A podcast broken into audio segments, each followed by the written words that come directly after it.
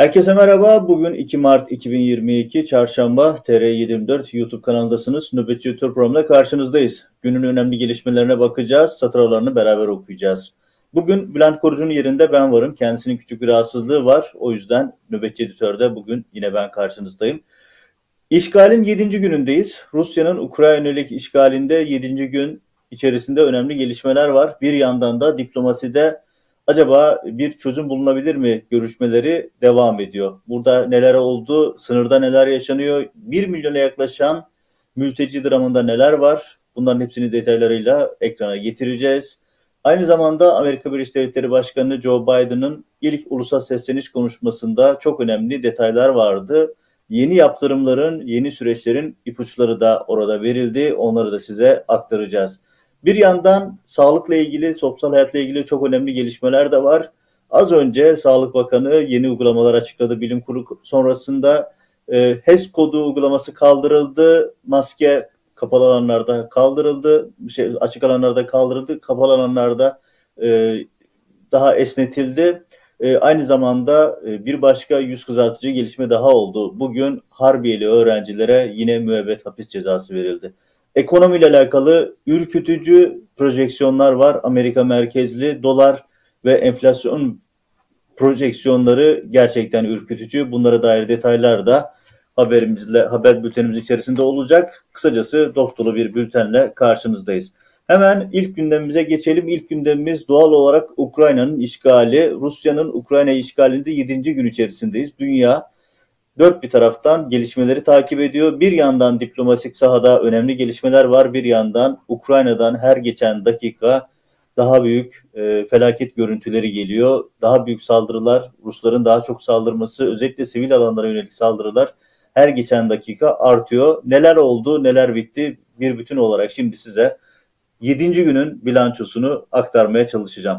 Şimdi günlerdir anlatıyoruz, aktarmaya çalışıyoruz. Dünya medyası uydulardan, uydu hava fotoğraflarından aktarıyor. Kiev'e yaklaşmakta olan büyük bir Rus askeri konvoyu var. Yaklaşık 60 kilometre 40 mil uzunluğunda bir konvoy ve bu konvoy içerisinde tanklar, e, ağır silahlar ve binlerce Rus askeri var ve bu konvoy günlerdir ilerliyor. Aslında beklenenin daha e, yavaş ilerliyor çünkü istihbarat verilerine göre ki Amerikan medyasına yansıyan veriler bu yönde bir takım lojistik sıkıntıları sebebiyle aslında beklenenden daha yavaş ilerliyor bu konvoy. Ama konvoy Kiev'in dış sokaklarına, dış mahallelerine kadar geldi. Bugün Kiev Belediye Başkanı bir açıklama yaptı. Çatışmalar artık kentin eteklerinde. Herkesi şehri savunmaya çağırıyorum açıklaması yaptı. Önemli bir çağrıydı. Halkı evlerinde kalmaya ve şehri savunmaya çağırdı. Bir taraftan e, şehir savaşına hazırlanıyor Kiev. E, barikatlar kuruldu. İnsanlar evlerinde kendi imkanlarıyla hazırladıkları Molotov kokteylleriyle ya da dağıtılan silahlarla evlerinde her köşe başında nöbet tutuyor.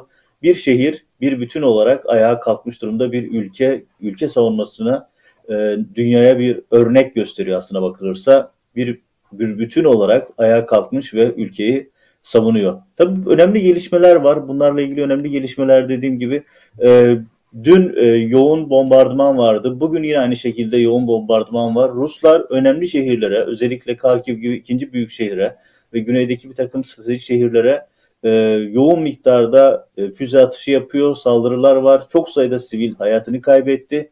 Büyük yıkımlar söz konusu şu an ekrana getirdiğimiz görüntülerde olduğu gibi e, tarihi binalar, insanların belediye binaları, apartmanlar, sivil yerleşimler yoğun Rus saldırısı altında.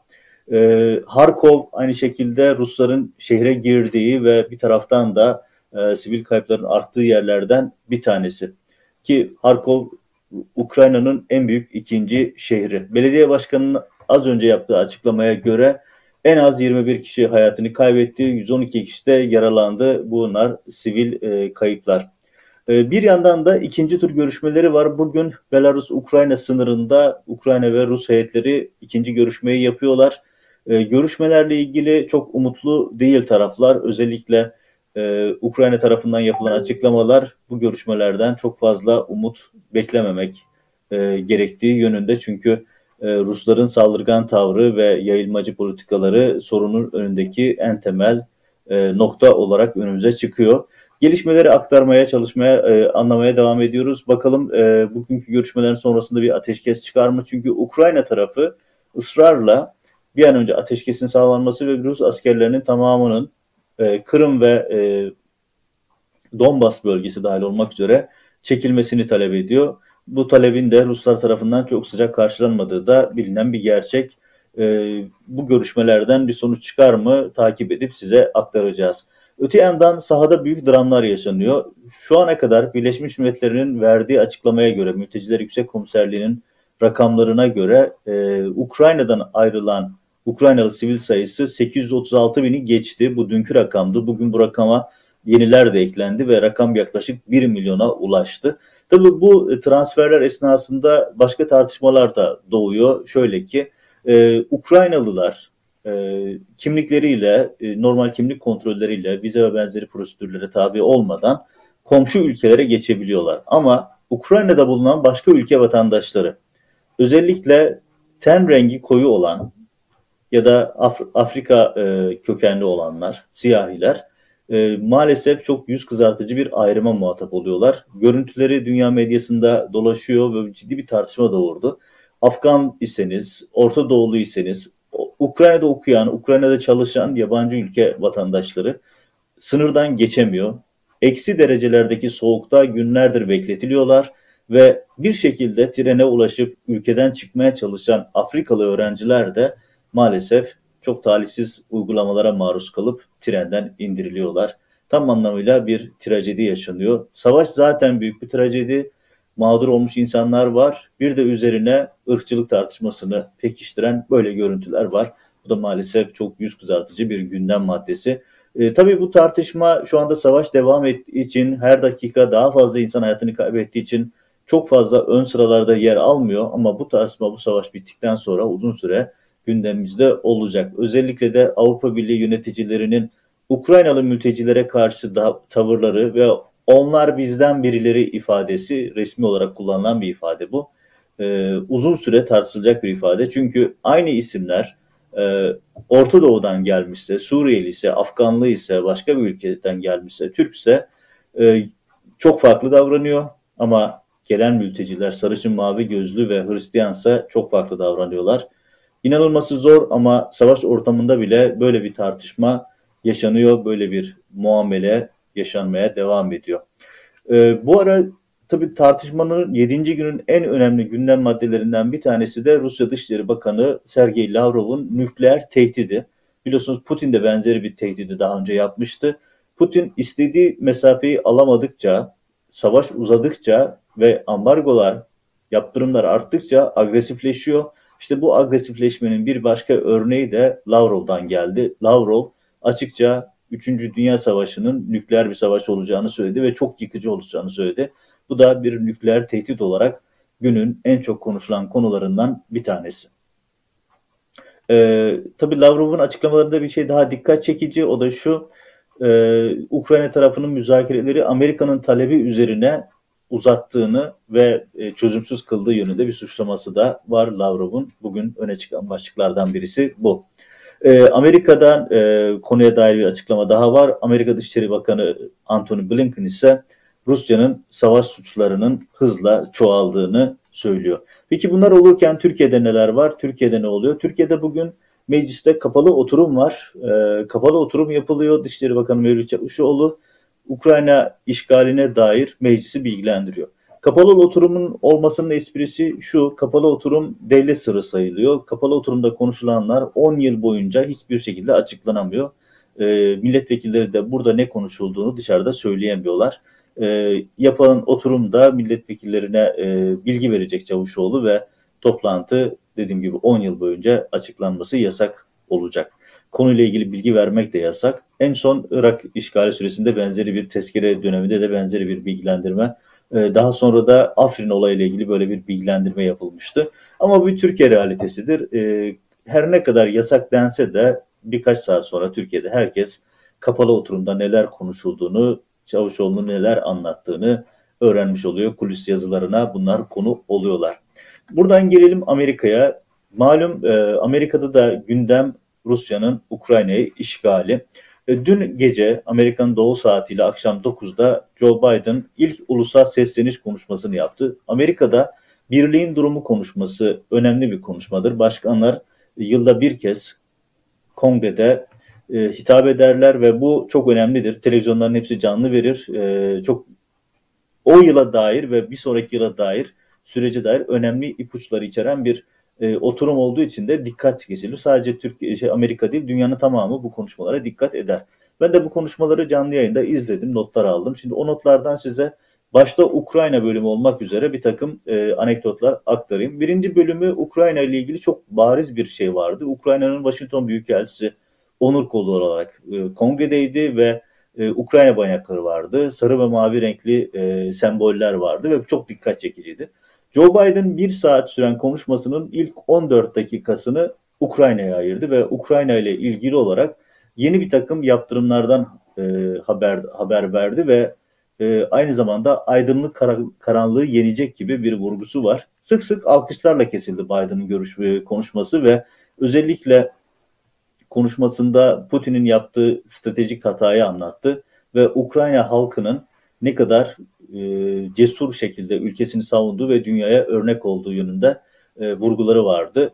E, Biden'ın konuşması e, iyi hazırlanmış bir konuşmaydı. Özellikle e, politik yönü güçlü bir ifa, e, metindi e, ve zaten bu yüzden de sık sık ayakta alkışlandı. Hatta normalde hiçbir konuda uzlaşamayan Cumhuriyetçiler ve Demokratlar e, Ukrayna konusunda ortak hareket ettiler ve Ukrayna ile ilgili bölümde Cumhuriyetçi senatörler, milletvekilleri de Biden'ı ayakta alkışladılar. Mesela neler söyledi Biden? Biden diyor ki Putin 6 gün önce özgür dünyanın köklerini sar, sarsmaya ve kendi kötü yoluna döndürmeye çalıştı ama çok büyük bir hata yaptı.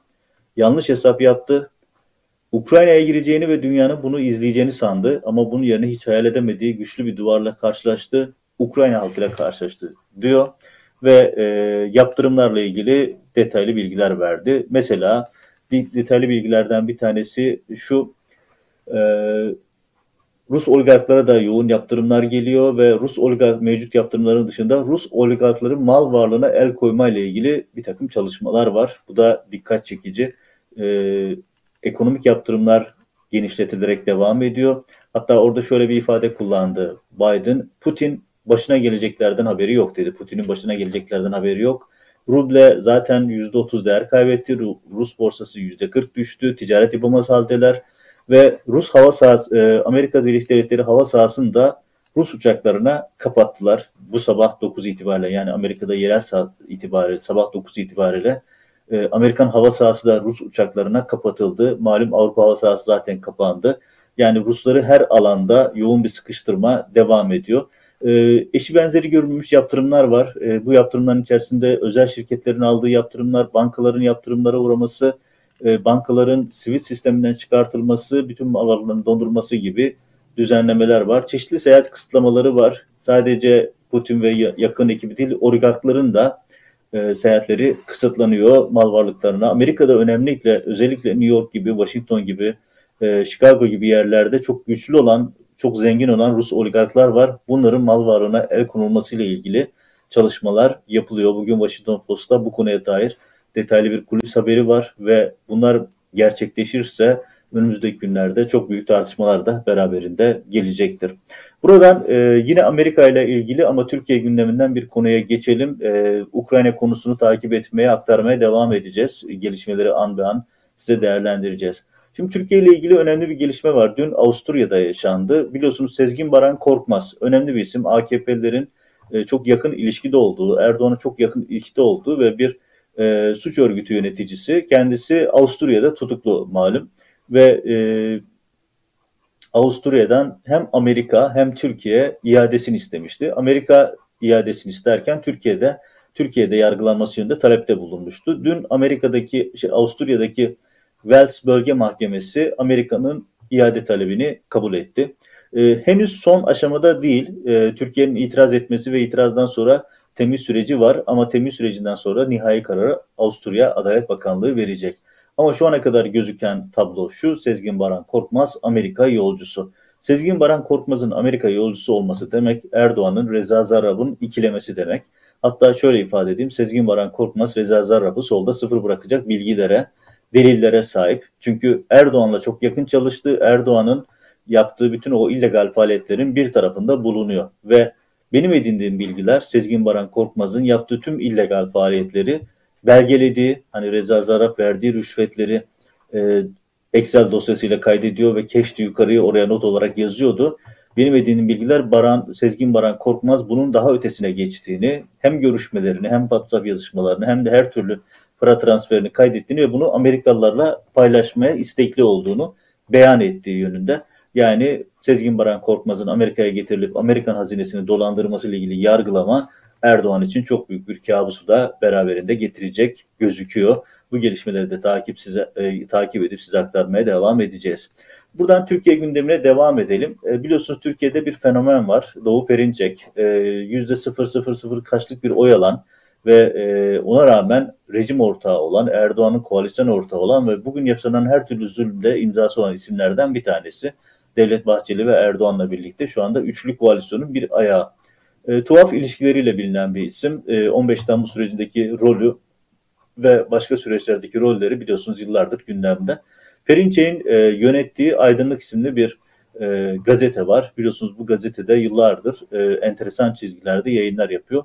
Bugün ilginç bir e, ek verdi. E, bunu özellikle dikkatinize sunmak istiyorum. Nedeni de şu. Uygur Türklerine, Uygurlara, Uygurlara yönelik çok yoğun bir soykırım var. Dünyanın bütün öne gelen ülkeleri bu soykırımı tescilledi. Dünyanın birçok parlamentosu bu yönde kınama kararları çıkarttı. Hollanda, İngiltere, Kanada, Amerika gibi birçok ülke resmi olarak Uygurların soykırıma maruz kaldığı ile ilgili kararlar çıkarttılar. Şimdi, ve internete, sosyal medyaya gelen tonla görüntü, iç parçalayıcı hikaye var. Bunlar dünya medyasının tamamına yayınlandı ve Türkiye'de çok sayıda e, mağdur ekranlara çıktı, sosyal medyadan görüşlerini paylaştı. Bunları şundan söylüyorum. Hani bilmeme ihtimalleri yok. Uygur Türklerine neler yapıldığını, Uygurlu Müslümanlara ne türlü soykırımlara muhatap kaldığını bilmeme ihtimalleri yok. Ama onlara rağmen bugün Aydın'ı bir ek çıkarttı. Ekin başlığı da şu, mutlu insanların diyarı Sincan. Milyonlarca Uygurlu'nun toplama kamplarında tutulduğu, ailelerin bölündüğü, işkenceli insanların hayatını kaybettiği bir bölgeden bahsediyor. Perinçek'in gazetesi ve başlığı bu. Mutlu insanların diyarı Sincan. Evet, e, ilginç bir e, çıkış, ilginç bir başlık. Hatta onlara göre, Perinçekçilere göre Sincan'da her şey çok güzel. Sincan'la ilgili olumsuz haber yapan 1 ila 3 milyon Uygur'un toplama kamplarında tutulduğu, ailelerin dağıtıldığı, çocukların ailelerinden alınıp Çinlilerin yanına yerleştirildiği bir dönemde Aydınlık böyle bir e, özel ekle çıktı. Bunu da dikkatinize sunmak istiyorum. Herhalde bugünün Türkiye'sine dair bir müze yapılırken o müzedeki bir bölümde bu tip haberlerden oluşacak. Türkiye gündeminde devam edelim. Malum Türkiye gündemindeki en temel konu hukuk, adaletsizlik, hukuk ve Erdoğan rejiminin insan hakları ihlalleri. Bugün ona yenisi eklendi. Bugün Harbiyeli askeri okulu öğrencilerinin yargılanması vardı. Yargıtay'ın bozma kararı sonrasında görüşen TRT Dijitürk davası vardı bugün. Tekrar mahkemesi yapılıyordu ve mahkeme yeniden müebbet hapis cezası verdi. Askeri okul öğrencilerine, bakın bunlar öğrenci, asker bile değil. Yani Türk Silahlı Kuvvetleri'nin yasasına göre normal erden bile aşağıda askeri okul öğrencileri hiç kimseye emir veremezler hiçbir emre karşı çıkma şansları yok. Askeri okul öğrenci yasal olarak asker bile değiller. Henüz askeri okul öğrenciler. Ve bu isimler maalesef 17-18 yaşındaki, 19 yaşındaki askeri okul öğrencileri 15 Temmuz kumpası içerisinde sırf kumpasın başarılı olması, kumpasın daha efektif olması yani kumpasdan sonra harbi, harp okullarının kapatılıp yerlerine e, Sadat kontrolünde yeni bir ordunun inşa edilmesi için 15 Temmuz kumpasına kurban edilen gariban askeri okulu öğrencileri. Zaten 6 yıldır cezaevindeler. Zaten çok büyük dramlar var. Yetmiyormuş gibi Yargıtay'ın bozduğu mahkeme, dava bugün tekrardan İstanbul'da görüldü ve mahkeme yeniden müebbet hapis cezası verdi. O çocukları otobüslere bindirip linç edilsinler diye İstanbul Boğazı'na, Boğaz Köprüsü'ne gönderen işte Orhanlı gişelerine gönderen, Distrik'e gönderenler serbest, terfi ettiler, ödüllendirildiler. En başta Hulusi Akar. Ama o çocuklar emre karşı çıkma şansı bile olmayan, ne olduğunu anlamayan, birçok otobüsten bile inmemiş Harbiyeli öğrenciler maalesef linç edildiler, boğazları kesildi. Ayakta kalabilenler her türlü zulme muhatap oldu ve müebbet hapis cezasıyla cezaevlerinde çürüyorlar. Evet bir Türkiye realitesi daha ve umutluyduk. Yani en azından bu yanlıştan dönülür. En azından Harbiyeli öğrencilerin masum olduğunu herkes biliyor. Herkes buna ikna.